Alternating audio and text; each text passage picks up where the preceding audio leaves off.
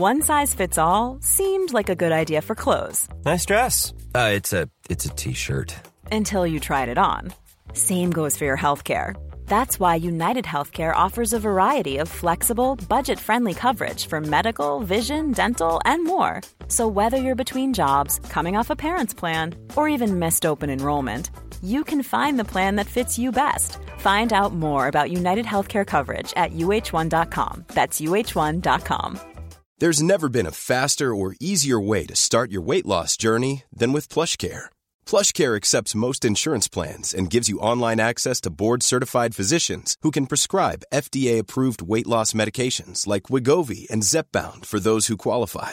Take charge of your health and speak with a board-certified physician about a weight loss plan that's right for you. Get started today at plushcare.com slash weight loss. That's plushcare.com slash weight loss. plushcare.com slash weight loss. Hiring for your small business? If you're not looking for professionals on LinkedIn, you're looking in the wrong place. That's like looking for your car keys in a fish tank.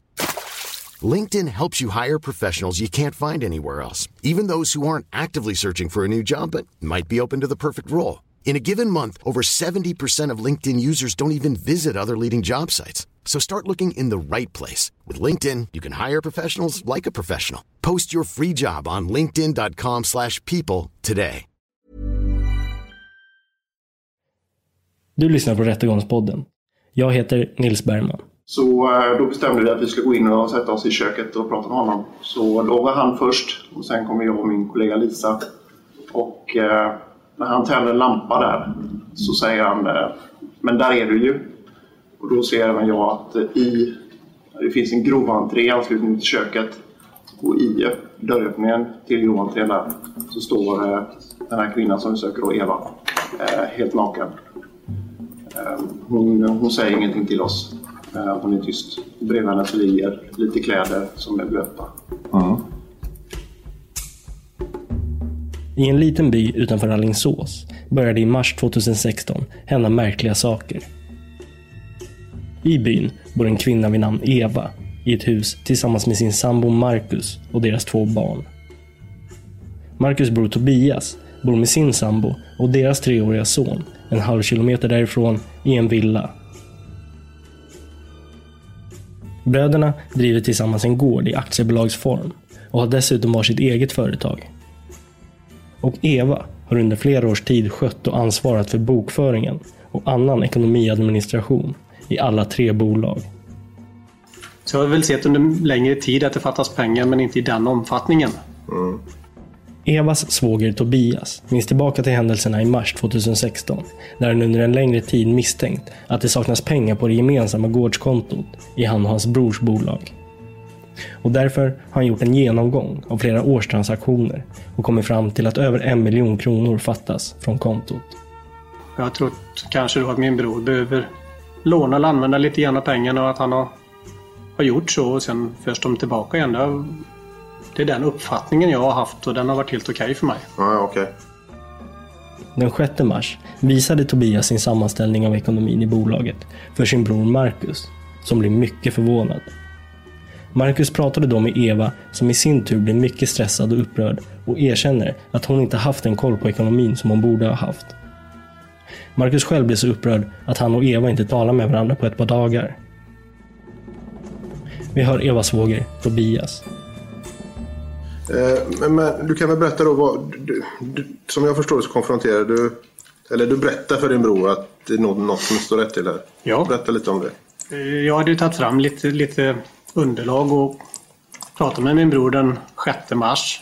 Tyckte att det såg konstigt ut på bankkontot. Och han blev väldigt förvånad över det. Och sen, ja, vi skildes åt och det var inget mer. Han skulle fråga Eva hur, hur det kunde se ut så, för det var någonting som inte stämde. Och Jag var inte helt säker på mina siffror på allihopa, utan det, jag ville ha igång en diskussion för att rätta till detta och reda ut det. Och jag trodde så eh, hände också. Fattades det något på ditt eh, aktiebolag? Fatt, där, fast, där fattas inga pengar eller? Nej, det har hon aldrig kunnat har komma hon åt inte haft möjlighet till. Nej. någonting på det. Nej. Så. Har du någon aning om mellan tummen och pekfingret hur mycket som du ansåg fattas på det gemensamma kontot? Årskontot. Ja, det, det är nog... mellan en och två miljoner i alla fall. Alltså det är så pass mycket? Ja, det är det. Hur- Under hur lång tid har har de pengarna försvunnit? Är det det senaste året eller är det Nej, under flera år tillbaka? det- Eller? Tio år tillbaka i alla fall. Okej. Och, och under hur lång tid har Eva så att säga haft eller förvaltat det kontot då? Sen vi köpte gården och det var 00 eller 01. Så under hela tiden? Ja. Mm. ja. Vad vet du om, eh, om din bror pratar med Eva om detta? Ja, han eh, hade nog pratat med Eva om detta. Ja, Pratar ni något mer om det innan? ja vi, vi träffades en, en eftermiddag och han beklagade sig bara. Han sa att han visste absolut inte Nej. hur detta kunde bli så. Nej. Och var uppriktigt ledsen över det. Ja. Och du hade ingen anledning att tro något annat? När det gäller din bror? Nej. Nej. Och eh, har du pratat med Eva om detta innan? Den? Nej. Jo, Telefon eller? på telefon. På måndag eftermiddag då ringde jag och bad henne ta med mitt bokföringsunderlag hem för jag skulle byta revisor då, eller skaffa en annan revisor. Och måndag eftermiddag, det är alltså samma eftermiddag som 14? Ja. Vad sa du då? Att du ber henne att... Ta med mitt bokföringsunderlag Ja, och pärmar hem då för att jag ska byta revisor. ja. Vad säger hon då? Ja, visst, det är inga problem. Jag ska be Hanna plocka fram dem. Och detta är på eftermiddagen säger du? Ja, cirka 16.30. Ja, visst, det är inga problem, svarar Eva när hon möts av uppgiften att hennes svåger Tobias nu vill byta revisor. Men ett byte av revisor innebär vid den här tidpunkten stora problem för Eva. Då en ny revisor enkelt skulle kunna upptäcka att Eva under tio års tid olovligen fört över miljonbelopp från bolagens olika konton. Och det är ett problem som hon sedan en tid tillbaka själv insett och också agerat efter. Hon kommer tillbaka med en gång och kör ut. Och vad sa du, vilken tid var detta ungefär? Tio över åtta. Ja. Redan tidigare den här dagen, den 14 mars, på morgonen beger sig Eva över i sin bil de 500 metrarna till svågen och hans sambos villa. Och där utanför möter hon svågens granne Anki som är ute och rastar sin hund. Och Det som är anmärkningsvärt är att Eva kommer och går flera gånger. Nästan som att hon hoppas på att någon inte ska vara där och se henne. Vet du om Eva har varit framme vid Tobias och Kristinas hus eller har hon till och med varit inne i huset? Nej, det kan jag inte säga att det var Du ser att hon går mot huset? Ja, när vi säger hej då så går hon mot huset men sen så ser inte jag Eva. Nej. För jag, borde, jag tycker att jag borde ha sett henne när jag gick mot bilen. Men det tänkte jag inte på då, men det tänkte jag på efteråt. Ja, Det, Du reagerar inte på något särskilt eh, när det väl händer så att säga, den här morgonen? Du, du, du tycker inte det är konstigt att de kommer tre gånger så? nej, inte så direkt. Nej. Jag vill inte känna... Har du funderat på det i efterhand då? Ja, Vad har du, klart tänkt? att man har funderat. Ja, vad har du funderat då? då? Nå, nu när man vet vad som har hänt så förstår man ju att hon har varit där. Okej. Ja, eh, vad... Eh, ja, hur var hon förresten den här morgonen? Du pratade lite kort med henne. Var hon... Ja, berätta. Nej, hon var precis som hon alltid. Det var precis som vanligt. Naturligt. Inget konstigt. Inget onaturligt beteende på något sätt. Nej. Inte stressad eller så. Nej, absolut inte tvärtom. Tvärtom. Ja. Väldigt lugn och sansad för att planera det. Ja, okej. Tobias granne Anki ser dock inget konstigt i Evas beteende och fortsätter rasta sin hund och varken hör eller ser något mer från Eva under den dagen. Senare på dagen kommer Tobias hem från jobbet. Han och hans sambo äter middag och går slutligen och lägger sig och stoppar om deras treåriga son som sover i ett eget rum. Även Anki går och lägger sig, men de kommer alla snart att väckas abrupt. Eh, sen så händer det något på natten. Kan du berätta vad som händer? Ja, jag vaknar ju på natten av att det plingar jättemycket på dörren. Jag flyger upp i sängen kan man säga. Och springer fram till dörren och tittar ut genom fönstret och då ser jag att Tobias står utanför ganska stressad. Så jag öppnar ju och då frågar Tobias mig om jag har någon brandpulversläckare. Eh, Brinner det i källaren igen, sa han. Och jag sa, jag tror inte vi har någon hemma. Men så kom min man upp och så erbjöd han sig att åka bort till verkstaden. Hans jobb som ligger några hundra meter därifrån. Och hämta. Så han tar ju på sig kläderna och åker iväg. Och då säger Tobias att den här gången är det anlagt. Mhm. Och då blir jag bara... Man blir lite chockad. Ja, För det har ju hänt veckan innan också att det Ja. brann. Mitt i natten vaknar plötsligt Anki av att Tobias kommer inspringandes och ber om en brandsläckare. Han säger att det brinner i deras källare. Och vi kommer till den branden. Men det här är inte första gången det brinner i Tobias källare. Utan samma sak hände veckan innan. Natten mellan den 10 och 11 mars. Eh, berätta om eh, första branden. Ja, första branden då vaknade vi på natten. Och Kristina vaknade över att det är någon katt inne. Jag trodde det var våran katt, för det var en röd katt som sprang upp i köket. Vi försökte fånga den där och få ut den, men det, när den stannade och satt still en stund så insåg vi att det var absolut inte våran katt. Jag har aldrig sett den tidigare, aldrig efter heller, men vi fick ut den i alla fall och gick och la oss igen. Stängde dörren till källaren så inte våra katter skulle springa upp på nytt. Och somnade väl om och sen började brandvarnaren att skjuta i källaren. Och då springer vi ner och då ser jag att det är lågor i tvättstugan. Och ropar då till Kristina att de ska hämta en brandsläckare. Och då kom jag själv på medan hon ska hämta den i städskåpet i köket att jag har en i garaget hängande. Så jag tar den och släcker branden. Tobias och hans sambo är förbryllade över den här första branden. Det ser ut som att handdukar ramlat ner på elektroniken bakom deras tvättmaskin och på så sätt utlöst en brand. Men de vet också att de aldrig brukar lägga handdukar på tvättmaskinen. Som tur var gick brandlarmet högt och tydligt så de lyckades upptäcka faran i tid. De polisanmäler aldrig händelsen, utan sätter istället igång med en relativt omfattande sanering för att få bort röklukt och pulvret från pulversläckaren. Och främst oroade de sig över röken som hade stigit upp till deras treåriga sons rum. De kontaktar försäkringsbolag och sanerar så gott de kan. Men sen, en vecka efter, sker alltså ytterligare en brand i källaren. Mm. Okej, och eh, andra tillfället, berätta om det. Ja, då låg, låg vi och sov på natten och Kristina väckte mig av att hon sa att det är någon i huset. Och vi gick ju upp och jag tog inte sådär jätteallvarligt på det. Vi tände ju upp hela huset och jag gick nog på toaletten. Och tittade runt och tittade ut genom fönstren men såg ingenting och sen öppnade vi dörren till källaren. Får väl gå ner och titta där då. Och då var det ju rök och lågor ifrån källaren. Mm. Och var, var i källaren? Då sprang jag ju ner naturligtvis där och då stod ju dammsugaren där med, med, med tyg bakom dammsugaren emot mot plasthöljet och grejer på dammsugaren.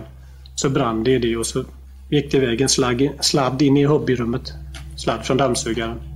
Med tygtrasor över som låg över sladden in i hobbyrummet. Så där började jag väl att försöka trampa det och, och försöka få dö på det på det viset. För det var så mycket pulver från förra branden så jag ville inte släcka på det viset i första hand. Sen när det inte lyckades så insåg jag att jag inte hade någon mer brandsläckare inne. Och då ropar ju Kristina, vad fan går inte brandsläck eller brandvarnaren för? Och den sitter ju precis rätt ovanför dammsugaren. Då plockade jag ner den och tittade i den och då fanns det ingen batteri i den. Vid den andra branden i källaren, den 14 mars, tycks det nu ha tagit eld runt omkring dammsugaren och inte vid tvättmaskinen, som vid första branden. Och vid den första branden utlöstes ju brandlarmet. Men det gör den inte den här gången, vilket förbryllar Tobias extra mycket.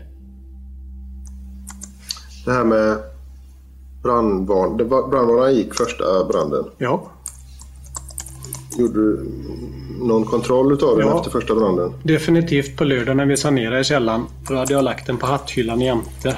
Jag, jag skruvade ner den efter första branden när det kört så för att få tyst på den så skruvade jag ner den och plockade ur batteriet och la den jämte. Sen på lördag när vi sanerade så var jag definitivt 100% säker på att jag satte i ett nytt batteri och satte upp den och testade den. Inte Nej. bara samma utan ett nytt Ett batteri. nytt batteri. Och nu var det borta. Ja. Vid den här andra branden är alltså förutsättningarna för att både upptäcka men också stoppa branden begränsade då batteriet i brandlarmet plötsligt har försvunnit samt att de veckan innan förbrukat deras pulversläckare. Därför uppstår nu en mer stressad situation för familjen och de springer upp och väcker sin treåriga son och springer därefter ut på gården där Tobias även knackar på hos Anki och frågar om de har en brandsläckare. Det har de inte, men Ankis man åker till sin verkstad några hundra meter därifrån för att hämta en. Under tiden går Anki ut på gården och möter Tobias sambo som håller i deras treåriga son. Och där börjar de fundera över vad som just har hänt. Så jag tar på mig kläderna och går ut där han är. Och då berättade hon att eh, hon hade hört att det hade låtit i källaren. Det varit lite ljud och så. Så hon hade blivit misstänksam. Och hon berättade att när de öppnade dörren då så brann det i källaren. Och eh, hon hade väl ringt brandkår och polis. Så de var på gång. Och sen kommer Tobias tillbaka ut till oss och ställer, oss, ställer sig jämte oss. Och eh, då pratade jag lite med Tobias där och frågade om han hade någon, kan tänka sig att ha någon ovän någonstans. Och han sa, nej inte mig veteligen att jag har nu men den enda jag kan tänka mig är Eva då, sa han. Då tittade jag ju till på honom för att jag förstod ju ingenting då. Mm. Eh, och då sa han att jag misstänker att hon har förskingrat pengar i mitt företag. Och eh, när vi står där så ser vi hur min man kommer på E20 och svänger in. Och åker in mot vårat då. Och då kommer även brandkåren och ambulans efter. Så att, och när detta händer så hör jag steg i hagen Mm. en bit därifrån. Och då säger jag, vänder jag mig till Tobias och säger att hör att det går någon i, i hagen? För jag hör det så tydligt. Då hör Anki fotsteg. För det är ju skare och lite fruset ute. Så då hör hon fotsteg. Och när hon säger det så hör jag glasklart dem också. Men jag, jag var så pass chockad så jag hade nog inte reagerat över dem själv. Då, då hör man fotsteg att det är någon som går snabbt. På andra sidan huset någonstans. Och på andra sidan huset, vad blir det? Emot E20 till ifrån Okej, hönshuset. då. okej. Jag visar ju en... eh, Jag visar ju en bild här förut på det här hundsöket som hade gjorts. Ja. Att jag så att säga gick eh, som en loop runt huset genom skogen och, och så, inte över E20 men ändå hitsidan E20 Ja. så borta. Om man tänker sig den beskrivningen som hundsöket visade, kan det stämma överens på något sätt med det, det som ni hör? Ja, det kan det mycket väl göra. Är det, är det åt det hållet eller är det åt Ja, något helt nej, annat nej, håll? nej, det är åt det hållet. Det är åt samma håll. Under tiden Tobias berättar att han har misstänkt att hans svägerska Eva förskingrat pengar i han och hans brors bolag hör de alla snabba fotsteg försvinna bort från en närliggande skogsdunge. Men trots allt som har hänt kan inte Tobias förmå sig dra kopplingen att Eva skulle kunna vara den som har tänt på i källaren. Men det är något som snart kommer att ändras. Eh, när larmet gick ut så, så, eh, så var det ganska så eh, torftigt. Eh, det gick ut att det var en tvättstugebrand med oklara omständigheter kan man säga. Att räddningstjänsten eh, ja, i stort sett tyckte att vi skulle titta på det. Det var så att säga ingångsvärdena då. Polismannen Mårten Gunnäng, som under natten anlände till gården, kommer att se objektivt på situationen och kommer snart att rikta sina misstankar åt en specifik person. När jag pratade med dem då, då var de så att säga samlade då eh, i det här huset. Eh, de förklarade för mig, eh, mannen förklarade för mig att det fanns ett barn i, i huset från början också. Det barnet hade eh, placerats hos eh, farmor eller mormor i en, i en annan fastighet som, som jag och, och var så att säga i gott förvar där. Eh, och eh, då började jag få höra mig lite grann kring omständigheterna. Och ganska så snabbt då så, så eh, förstod jag att det var en mordbrand. Ehm, och ganska så snabbt eh, så, så riktades även misstankarna åt ett visst håll. Eh, vilket gjorde att jag begärde en hel del resurser till platsen. Eh, och ehm, jag fortsatte det här samtalet och konstaterade ganska snabbt då att, att mannen i huset var helt säker på att man hade låst huset. Huset var låst inifrån. Den personen som har tagit sig in måste ha använt nyckel. Eh, han kunde säga ganska säkert att det var bara två personer egentligen som hade nyckel. Och eh, den ena är ju den som är, är tilltalad och den andra som hade nyckel det var, det var hans föräldrar tror jag som, som hade nyckel också.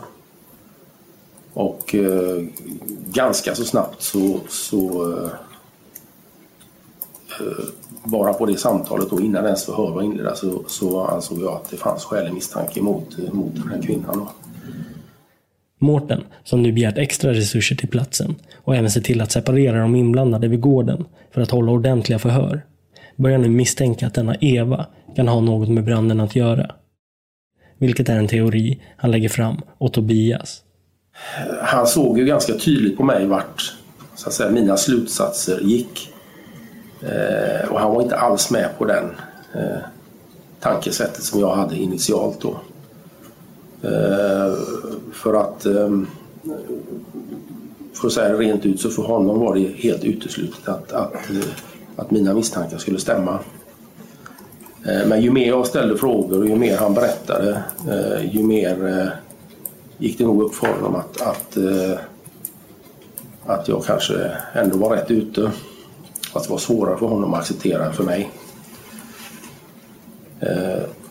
Han berättade om den här, eh, de här pengarna, de här olika bolagen, att det fanns tre olika bolag och att, eh, att det hade flyttats pengar ifrån eh, hans bolag till sin brors bolag på ett sätt som, som, som ja, var väldigt ovanligt och, och, han hade konfronterat sin bror med den här uppgiften och sagt till honom att han, han får ta upp det här med, med, med sin fru då för att det saknas massa pengar och det, det är överföringar som inte stämmer. Det låg på den nivån, alltså det var inte, det var inte mer uppspelt än så. Eh, man använde inte ordet förskingring överhuvudtaget i det här skedet utan, utan det var pengar som, som, som hade flyttats på ett felaktigt sätt. Eh, den här kvinnan skulle vara revisor för alla tre bolagen och då haft möjlighet att göra de här transaktionerna. Så när ytterligare en polispatrull anlände till platsen får en hundförare uppdraget att söka spår till och från Tobias hus. Vid det här tillfället så var det fortfarande fläckvis snö. Och då säger då hundföraren att eh, det blir väldigt lätt att spåra för jag har ett enda ingående och ett enda utgående spår. Och det spåret är damskor, damstorlek, väldigt små fötter. Eh, alltså man ska komma ihåg här, vi, vi är ju mitt ute i ingenstans här så det, det är ju liksom ingen, det är ingen som rör sig här ute. Eh, utan han får upp ett väldigt bra spår. Eh, han kommer till en plats där han bedömer att den han spårar har stått en längre stund. Han fortsätter spåra eh, och spåret går så att säga terrängvägen då mot, eh, mot den misstänktes bostad. Då. Samtidigt då så skickar jag en patrull från andra hållet som ska genomföra den här husrannsakan. Och spåren leder alltså till Evas hus. Och polisen Jonas, tillsammans med en kollega, beordras nu också dit. De knackar på och dörren öppnas av Evas sambo, Marcus. Varpå jag då och eh, mina kollegor gick in i hallen och frågade ifall han kunde ha möjlighet att se ifall Eva var hemma. Mm. Marcus säger att han tror att Eva är hemma och går upp på övervåningen för att kolla. Så kommer han ner och säger att, eh, att hon inte var hemma. Och blev ställd och eh, hade frågor till oss. Och så tror jag för mig att han berättade för mig att, att det var som ett täcke under täcket på, vid hennes eh, sängplats. Mm -hmm. eh, det, det, verkar underligt att om någon har lagt ett täcke under ett täcke. Ja. Mm, man skulle kunna tolka det som att det är någon som har lagt det där för att göra att det ser ut som att det ligger någon där. Så eh, då bestämde vi att vi skulle gå in och sätta oss i köket och prata med honom. Så då var han först och sen kom jag och min kollega Lisa. Och eh, när han tänder en lampa där så säger han eh, Men där är du ju. Och då ser även jag att eh, i, det finns en groventré i anslutning till köket. Och i dörröppningen till groventrén där så står den här kvinnan som vi söker, då, Eva, helt naken. Ehm, hon, hon säger ingenting till oss. Hon är tyst. Bredvid henne så ligger lite kläder som är blöta. Mm. Ehm, Eh, vad, vad gör du för bedömning när du, när du ser den nakna kvinnan? Vad, vad, ja, har, har hon varit där ett tag? Har hon kommit uppifrån sovrummet? Har hon kommit utifrån? Eller vad, vad får du för intryck? ehm, jag vet inte. Mi- Mina observationer där och då var bara att eh, hon, hon, stod, hon stod naken. Mm. Ehm, jag vill minnas att hon såg, såg ut som hon var svettig. Och Ja. att det låg blöta kläder bredvid henne. Och vad, vad var det för blöta kläder? Kommer du ihåg det? Nej, det minns jag inte. Nej. Och hon säger ingenting, säger du? Nej. Nej. Minns du om det var något annat som var i närheten där de stod? Kläder, ett par skor vill jag minnas. Ett par skor? Ja. Ja, det är precis vad du har skrivit på sidan 178 också, längst ner. Att, att kläderna är blöta. De har tagit av, kläderna har tagit av sig är blöta och hennes skor står in till i en mindre pöl av vatten, har du skrivit. Kan det stämma? Det stämmer. Ja, eh, då tackar jag så mycket. Jag har inga fler frågor. Kvinnan lastas och transporteras till Alingsås och sen på den efterföljande husrannsakan hittar man ju ett antal slag då. Eh, som är bland annat gummihandskar och någon, någon balaklava. Eh, ja, man tar en del beslag där i alla fall. Som väl stämmer överens då med I samband med gripandet av Eva gjordes beslag av de kläder och skor som låg på golvet bredvid henne i grovköket. Både kläder och skor visade spår av att precis ha använts. I fickorna hittades en tändare, ett par diskhandskar, en ficklampa, en balaklava samt en nyckel som gick till Tobias och hans sambos hus. På den silvertejp som satts upp på utsidan av ytterdörren och runt fönster på Tobias hus fanns fingeravtryck som matchade med Evas. Utredarna tog även med i bevisningen hälsoappen i Evas mobiltelefon. Där de med hjälp av stegräknaren tillsammans med GPSen kunde konstatera att Eva under morgonen den 14 då hon stötte på Anki som var ute med sin hund gått trapporna upp från källarvåningen till övervåningen i Tobias hus. De kunde via appen även följa hur de gått ner i källaren igen, gått tillbaka ut till bilen, kört till jobbet och sedan gått de tre trapporna upp till sitt kontor. Efter att Eva greps transporterades hon till polisstationen i Alingsås, där hon förhörs flera gånger av polis. Och hon kommer bland annat erkänna till gärningarna under dessa polisförhör. Vilket blir intressant då hon under rättegången, som ägde rum i Alingsås tingsrätt i juli 2016, uppger att hon har mycket dåliga minnesbilder av händelserna. Så, varsågod. Tack. Eh, jag har svårt att förstå att jag sitter här. Förlåt. Jag har inga klara minnen. Eh, det känns väldigt overkligt allting.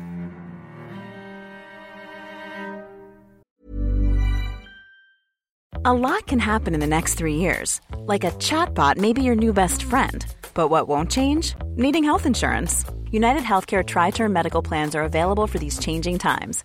Underwritten by Golden Rule Insurance Company, they offer budget friendly, flexible coverage for people who are in between jobs or missed open enrollment. The plans last nearly three years in some states, with access to a nationwide network of doctors and hospitals. So, for whatever tomorrow brings, United Healthcare Tri Term Medical Plans may be for you. Learn more at uh1.com. Hey, I'm Ryan Reynolds. Recently, I asked Mint Mobile's legal team if big wireless companies are allowed to raise prices due to inflation. They said yes. And then when I asked if raising prices technically violates those onerous two year contracts, they said, What the f are you talking about, you insane Hollywood ass?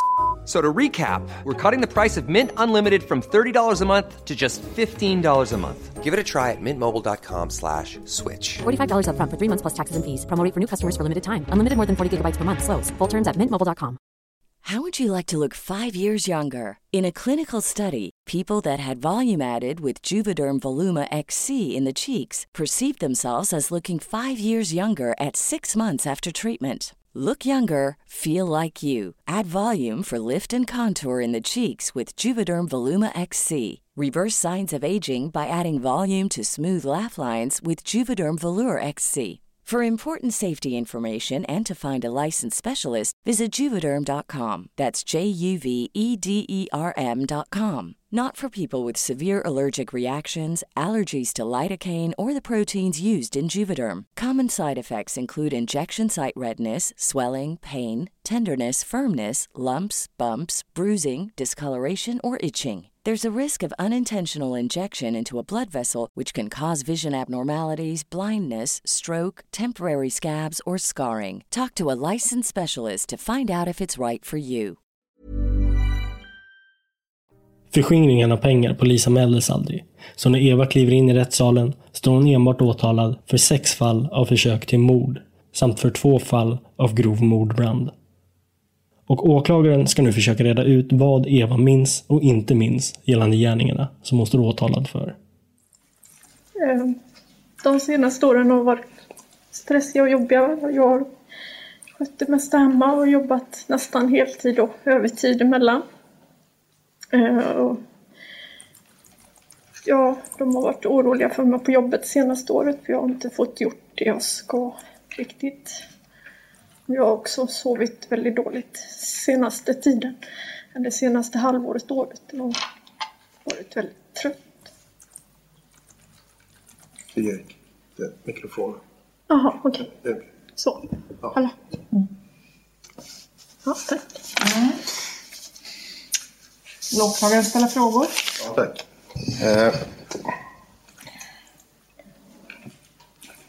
du har ju hört mig berätta idag vad jag säger, påstår att har, har hänt. Ja. Är det någonting du känner igen nu när jag har berättat om det? Nej, inte mycket. Inte mycket. Vad, vad kommer det sig att du inte minns? Nej. Har du hunnit läsa den här tjocka bibban? Jag har tittat. Har du tittat i den? Inte läst alltihopa? Nej. Har du läst dina egna förhör? Inte. Jag har bara gått igenom det lite, men inte mycket. Du har gått igenom det med din advokat. Mm. Vet du att... Eh, kommer du ihåg att du har varit ett flertal förhör med dig? Fyra, fem stycken? Nej, jag kommer inte ihåg hur mycket. Du kommer inte ihåg. Men kommer du ihåg att det varit mer än ett förhör med dig? Polisförhör. Ja, det vet jag. Din advokat sa någonting förut om att du kanske minns eh, att du... Att polisen hämtade dig. Kommer du ihåg det? Ja, jag, Berätta om det då. Vad du minns där. jag minns att jag står hemma i lilla hallen. Naken. Och är jättetrött och så kommer de in och tänder lampan där. Jag tror det är en kvinnlig polis, men jag är inte säker. Mm. Och då så får jag få klä på mig och så får jag åka med. Och så vet jag att eh, jag hör Marcus säga att där är du ju utifrån ja, rummet in till hallen. Det vet, kommer jag ihåg. Du kommer ihåg att Marcus säger där är du. Ja, undrar om något sånt. Ja. Och så får du åka med polisen till polisstationen. Ja. Vad kommer det sig att du står där i grovrummet naken då? Jag vet. Kommer du ihåg om du hade några kläder i närheten eller skor i närheten? Jag tar på mig några kläder. Jag kommer inte ihåg var jag tar dem någonstans. Nej. Men du har ingen minne av att du har haft på dig kläder eller skor innan du... Och jag vet att jag har sprungit i skogen. Det kommer du ihåg? Ja. Och att du kommer hem och tar av kläderna då? Ja, jag, inte just att jag tar av mig men jag vet att jag har sprungit i skogen och jag vet att jag står i hallen naken. Sen? Ja, efter. Efter du har sprungit i skogen? Ja. Du har ju berättat i förhör om, eh, om något liknande. Att du har just varit och sprungit i skogen runt om. Och så fick du rita någon skiss också, kommer du ihåg det? Ja, jag vet att jag har ritat en skiss. Mm. Jag kommer inte ihåg hur jag ritar nu. Nej. Och, och vad tar du vägen sen då? Jag springer. Springer.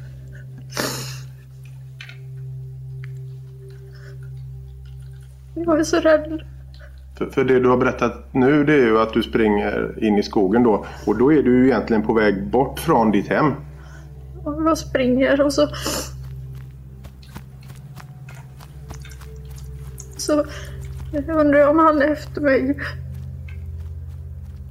Så du undrar om någon är efter dig? Ja, han inbrottstjuven är efter mig. Fyra år tidigare är Eva och Marcus på väg hem från en fest och upptäcker då att två inbrottstjuvar försöker ta sig in i Marcus verkstad. Marcus går på en av tjuvarna medan Eva beskriver hur hon blir jagad upp i skogen av den andra. De polisanmäler sedan denna händelse och det blir en rättegång och tjuvarna döms. Och Eva beskriver hur hon mådde väldigt dåligt efter den här händelsen, vilket är förståeligt. Men vad denna händelse har att göra med att hon fyra år senare befann sig i den här skogsdungen efter att ha brunnit i Tobias källare är inte lika förståeligt. Jag vet inte. Om vi säger så här då, för att reda ut det som du pratar om inbrottstjuven här nu. Jag, på- jag, påstår, jag påstår att, att ni... Det var, väl, var det Marcus företag som råkade ut för en inbrottstjuv för några år sedan eller? Eh, ja, Mm. Är, det, är det det du beskriver? Är det den du är rädd för? Den personen? ja. Mm. Men hur menar du att den personen har någonting med det här att göra? Inte. Nej, okej. Har du någon minne av att du varit inne i deras hus? Nej. Nej. Har du någon minne av någon silvertejp? Nej. Har du någon minne av någon eh, brännbar vätska såsom till exempel träolja? Nej. Har du någon minne av brandvarnare och batterier? Nej. Någon minne av tändare? Nej. Har du något minne av eh, sax? Silvertejp? Nej, inget sånt. Det är lite konstigt det här tycker jag. Vet du varför jag tycker det är konstigt? Va? Nej. Nej. För att samma dag som du greps av polisen eh, i förhör, när du kommer till Alingsås polisstation klockan strax efter 9, 9.07 och det här är på sidan 245. 9.07 påbörjas ett förhör med dig. Där du delges misstanke om mordbrand. Och då säger du på sidan 246 att du är skyldig. Och sen får du information om att eh, du har rätt att ha med en advokat och då så väljer du att avbryta förhöret. Har du någon minne av det? Nej. Nej. Och sen senare samma eftermiddag, den 15 mars, då är vi på sidan 247. Då fortsätter förhöret med dig och då är din advokat Stig-Erik Söderholm närvarande. Har du någon minne av att han har kommit till polisstationen? Ja, jag vet att jag träffar honom. Ja. Och så hölls det ett förhör som höll på nästan en timme med dig. Kommer du ihåg det?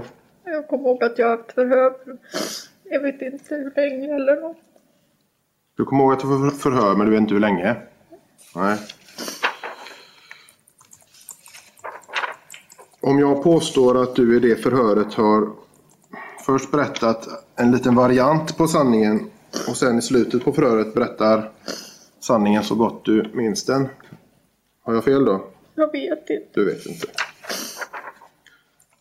Eva minns alltså ingenting gällande gärningarna hon står åtalad för. Men hon minns heller inte vad hon har sagt i polisförhören. Och knappt ens att de har ägt rum. Så åklagaren går tillbaka och läser upp stora stycken ur polisförhören. Där hon till en början mest svarar vet ej på de flesta frågorna.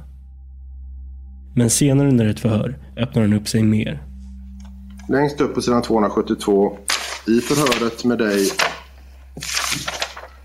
eh, samma eftermiddag den 15 när din advokat är med då säger du längst upp på sidan 272 Ja, så här. Du har funderat först.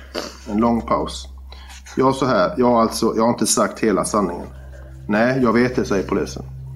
Ta den nu så att vi, ja, nu kör vi från början, säger du då. Ja, säger polisen.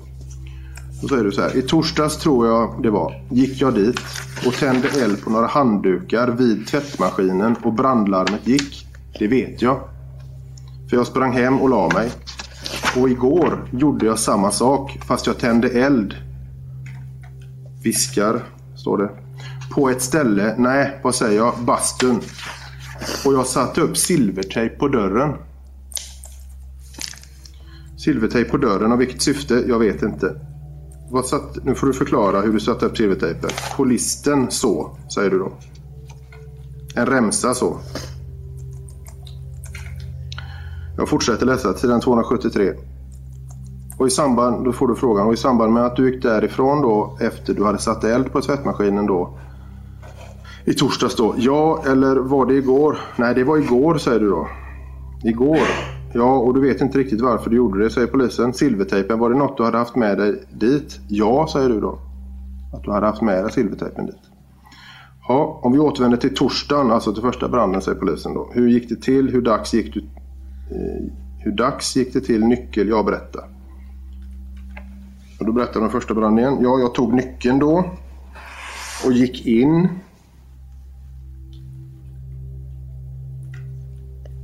Så låg det några handdukar där som tände eld. I tvättstugan då eller? Ja, de låg precis bredvid tvättmaskinen.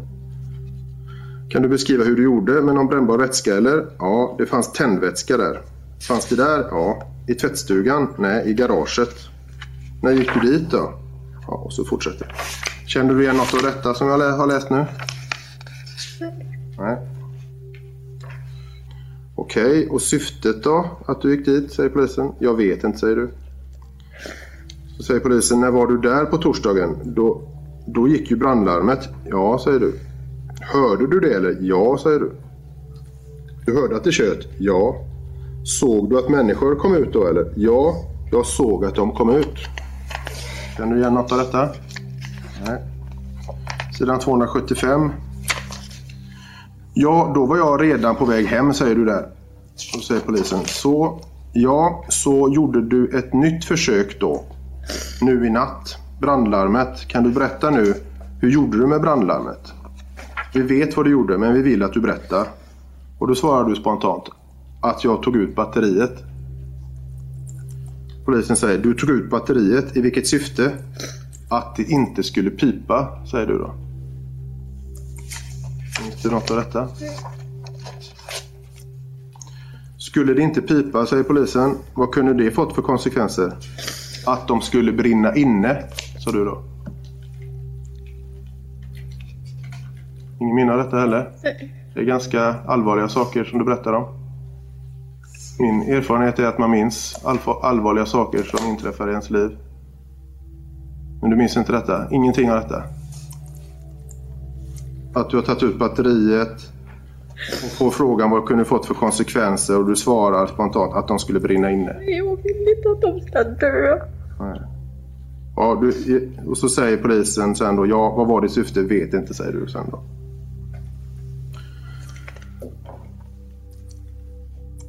I Evas dator hittades Google-sökningar på linolja och självantändning, brandvarnare och vad händer om en styrelseledamot och suppleant avlider. Och dessa sökningar gjorde hon på eftermiddagen den 14 mars, alltså kort tid innan den andra branden i Tobias källare. Åklagaren refererar nu tillbaka till polisförhören när man kommer in på motivbilden och sen säger polisen i mitten på sidan 276. Motivet från början ursprungligen. ursprunget till det hela var tydligen detta med att du hade förskingrat pengar. Jag hade ju flyttat pengar sa du då. Du hade flyttat pengar? Ja. Och då frågar polisen, inte i egen vinning men nej, säger du. Men för min sambos räkning som han inte visste om. Känner du till det? Kommer du ihåg något om detta? För det här är ju saker som kanske inte har direkt med bränderna att göra då. Jag vet ju att jag har flyttat pengar. Ja. Jag har betalat fakturor och så. Inte hur mycket. Du har betalat fakturor från? Ja. Eller vad sa du? Ja, från gårdskontot. Okej. Okay. Du har tagit pengar från brödernas gårdskonto och betalt fakturor? Ja. Vad då för fakturor? Har det fakturor som har att göra med gården eller? Ja, och eh, min sambos företag. Och din sambos företag? Okej. Okay. Men jag vet na, inte hur mycket. Och, och, det har du insett att, eh, att använda de gemensamma gårdspengarna till att betala för, för bara din sambos företag. Det inser du att det inte är okej okay, va? Ja, mm. men jag pratar med Marcus om det. Vad sa du? Att? Jag pratar med Marcus om det. När pratade du med honom om det då? kommer jag inte ihåg.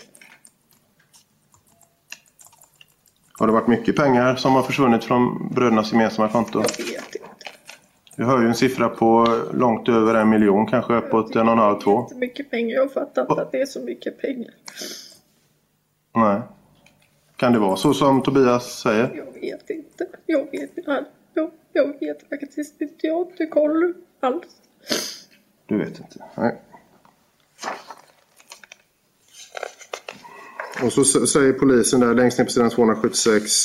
Tobias känner ju till detta. Mm, han räknar ut det, säger du då. Kommer du ihåg att du sa så? Att han räknar ut det? Det kommer jag inte ihåg att jag sa så. Var det någon... Var det någonting som... eh, Om jag frågar så här istället. Tobias säger ju att han har känt på sig detta ett tag och så har han den 6 mars i år konfronterat, eller pratat med rättare sagt. Det har väl snarare varit det att han har pratat med sin bror än konfronterat honom. Utan han har pratat med sin bror och varit bekymrad och velat nämna detta med pengarna. Vet du att Tobias har sagt det till sin bror? Marcus? Jag tror det. Pratar Marcus med dig om det sen då eller? Ja, Marcus kom hem med något papper med massa siffror på. Någon dag, men jag kommer inte ihåg när. Nej. Han var jättearg på mig. Och det där pappret med siffror. Jag hade gjort en massa fel. Han sa att du gjort massa fel. Mm. Det där pappret med siffror på, var det något han kan ha fått från Tobias som har sammanställt något eller? Jag vet inte. Du vet inte. Tittar du närmare på det pappret med siffror? Jag... Det bara var siffror överallt. Det bara snurrade. Och jag tror jag försökte börja lite, men jag vet inte. Försökte börja lite med vad då? Titta. Vad sa du att? Jag försökte att titta, men jag kommer inte ihåg. Erkänner du någonting för Marcus då att du har eh, försnillat lite pengar från gårdskontot eller? Jag sa att jag har flyttat pengar för att betala hans fakturor. Men jag vet inte, jag vet inte hur mycket. Och sen pratade vi nästan inte. Är han arg på dig då? Och han var jättearg. Så pratar ni inte, sa du, på hur länge då? Vi har inte pratat sen dess. Nej. Jag har ju inte fått prata med honom nu. Jag har inte, jag vet inte. Det är ju först idag jag ser honom. Jag har inte sett honom dess, jag vet inte. Hur går tankarna då när du får reda på att nu är hemligheten ute om man säger så om jag använder Det har ju inte varit någon hemlighet för jag har ju sagt till Marcus att jag har gjort så också. Så. Om vi säger så här då att nu Jag vet, har ju inte vetat hur mycket pengar det har varit. får du reda på nu att eh, Tobias vet om det hela? Jag vet inte, Marcus kom bara hem och sa det här får du titta på för det här stämmer inte. Vad tänker du då? då? Jag vet inte. Vill du jag försöka- kommer inte ihåg. Vill du försöka lösa det på något sätt? Jag minns inte. Har du några planer på att skaffa fram pengar för att liksom eh, fylla i luckorna på något sätt eller? Jag, Vad sa du? jag vet inte. Det bara snurrar. Vad sa du? Att? Nej, det bara snurrar. Det bara snurrar. huvudet Och jag får panik och jag sover inte. Och det här- Marcus vill inte ta i mig ens. Du har, du har nämnt någonstans under polisutredningen att någonting med att eh, försäkringspengar för hus och så vidare. Har du någon minne av det? Ja, det, det, det kanske jag, ja, men inte bara försäkringspengar, men inte. Det men har, känner du- jag igen, men jag kan inte. nej, har du haft några planer på att så att säga betala tillbaka med, med någon slags försäkringspengar som ska falla ut på något sätt? Jag vet inte. Jag ville bara att det skulle bli, försöka bli rätt, men det, Kom du ihåg om du pratade med polisen någonting om att om ett hus ja, brinner eller förstörs så kan man få ut försäkringspengar eller något sånt där? är inte så ordagrant så. Men det var så har du inte tänkt eller? Det vet jag inte. Det vet du inte. Nej.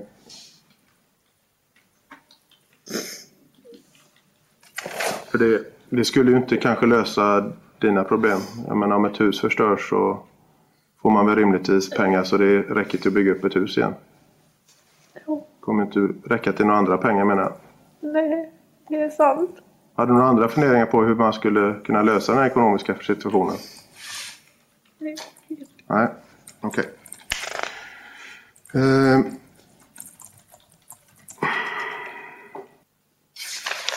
sidan 287 längst ner.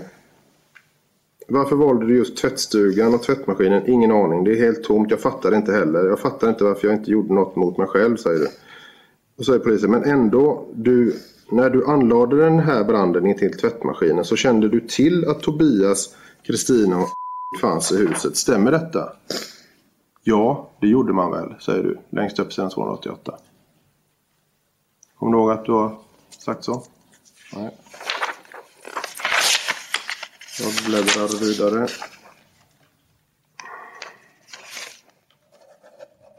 Åklagaren bläddrar vidare och tvingas läsa upp stora delar av polisförhören med Eva i brist på att hon i rättssalen inte kan ge några svar.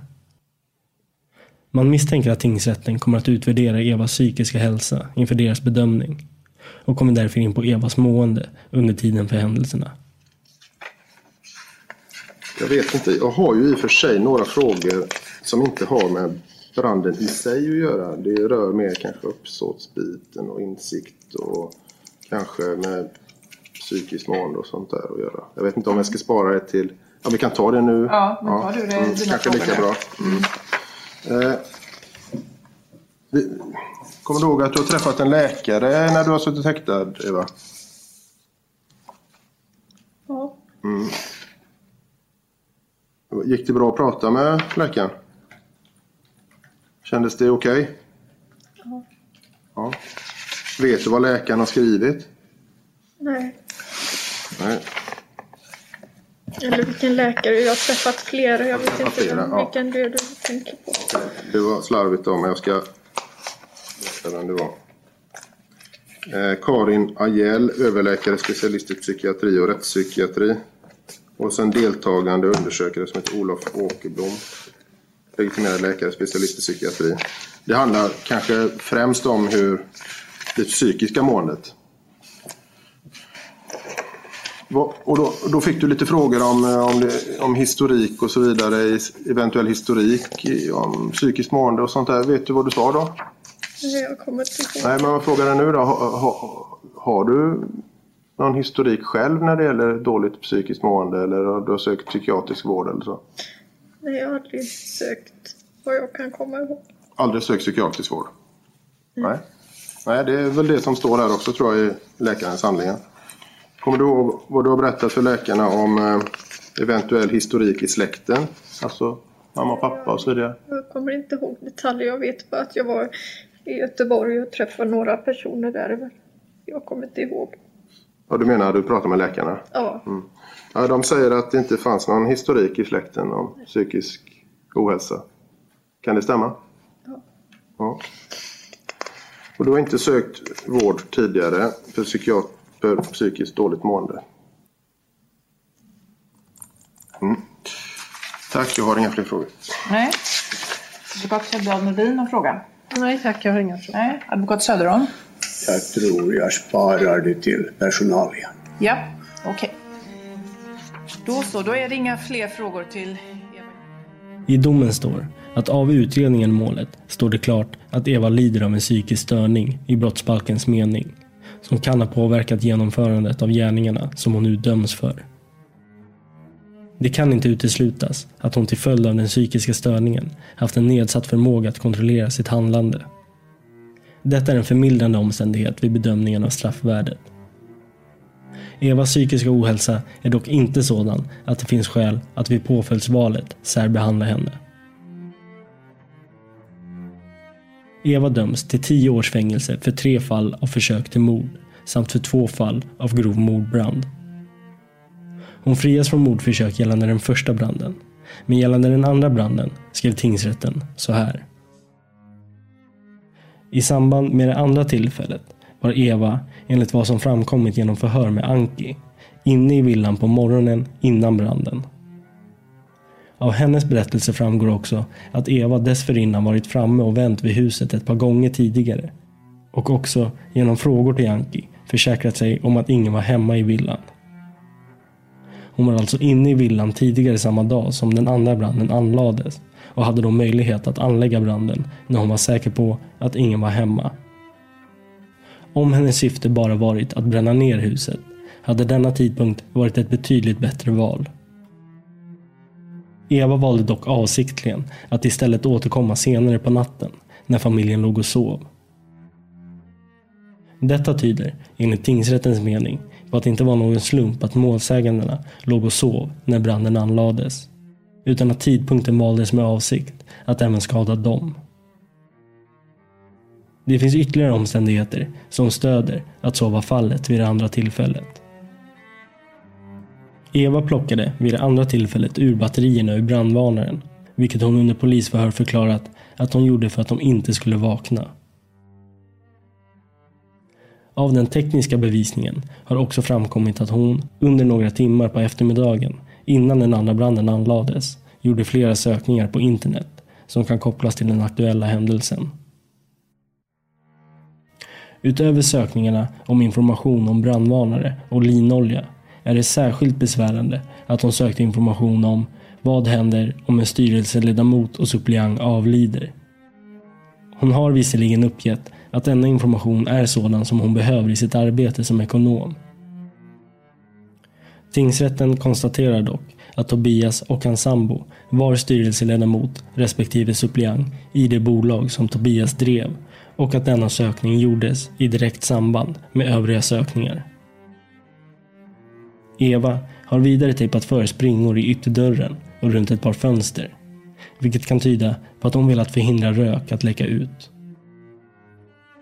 Tingsrätten anser att omständigheterna vid det andra tillfället har varit sådana att en normal person under alla förhållanden måste ha insett den avsevärda risken för att branden skulle leda till målsägandenas död.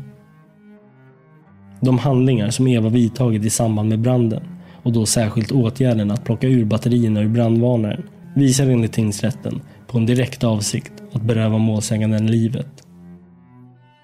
Av skäl som tingsrätten anfört föranleder Evas psykiska hälsa vid gärningstillfället ingen anledning att göra en annan bedömning i uppsåtsfrågan. Gärningen kan inte rubriceras på annat sätt än som försök till mord i tre fall. Åtalet är alltså även i denna del styrkt och ska bifallas. Så om inget då hade skett, ingen hade vaknat och ingen hade släckt, så hade, ja, vad hade hänt då?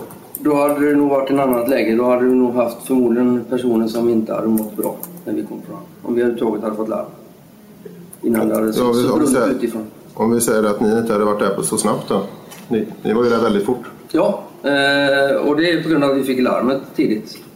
Det, hänger- det hänger ju på hur snabbt vi får ett larm Mm. ifrån objektet. Då. Men så, om inte ni hade kommit dit och de andra inte hade hunnit släcka så hade huset blivit övertänt då eller? Ja, det är stor sannolikhet. Och det är det min eh, den här utredningen, sakkunnigutlåtandet bygger på. Att ingen gör någonting åt branden.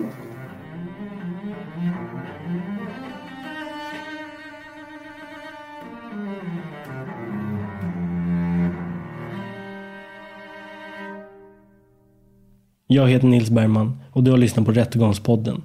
Ansvarig utgivare är Jonas Häger. Tack för att ni har lyssnat. Rättegångspodden är en Tall Tale produktion. Ansvarig utgivare är Jonas Häger. Och Rättegångspodden görs i samarbete med Lexbase. Ange rabattkoden Rättegångspodden när du blir ny betalande medlem på lexbase.se och få tre kostnadsfria domar.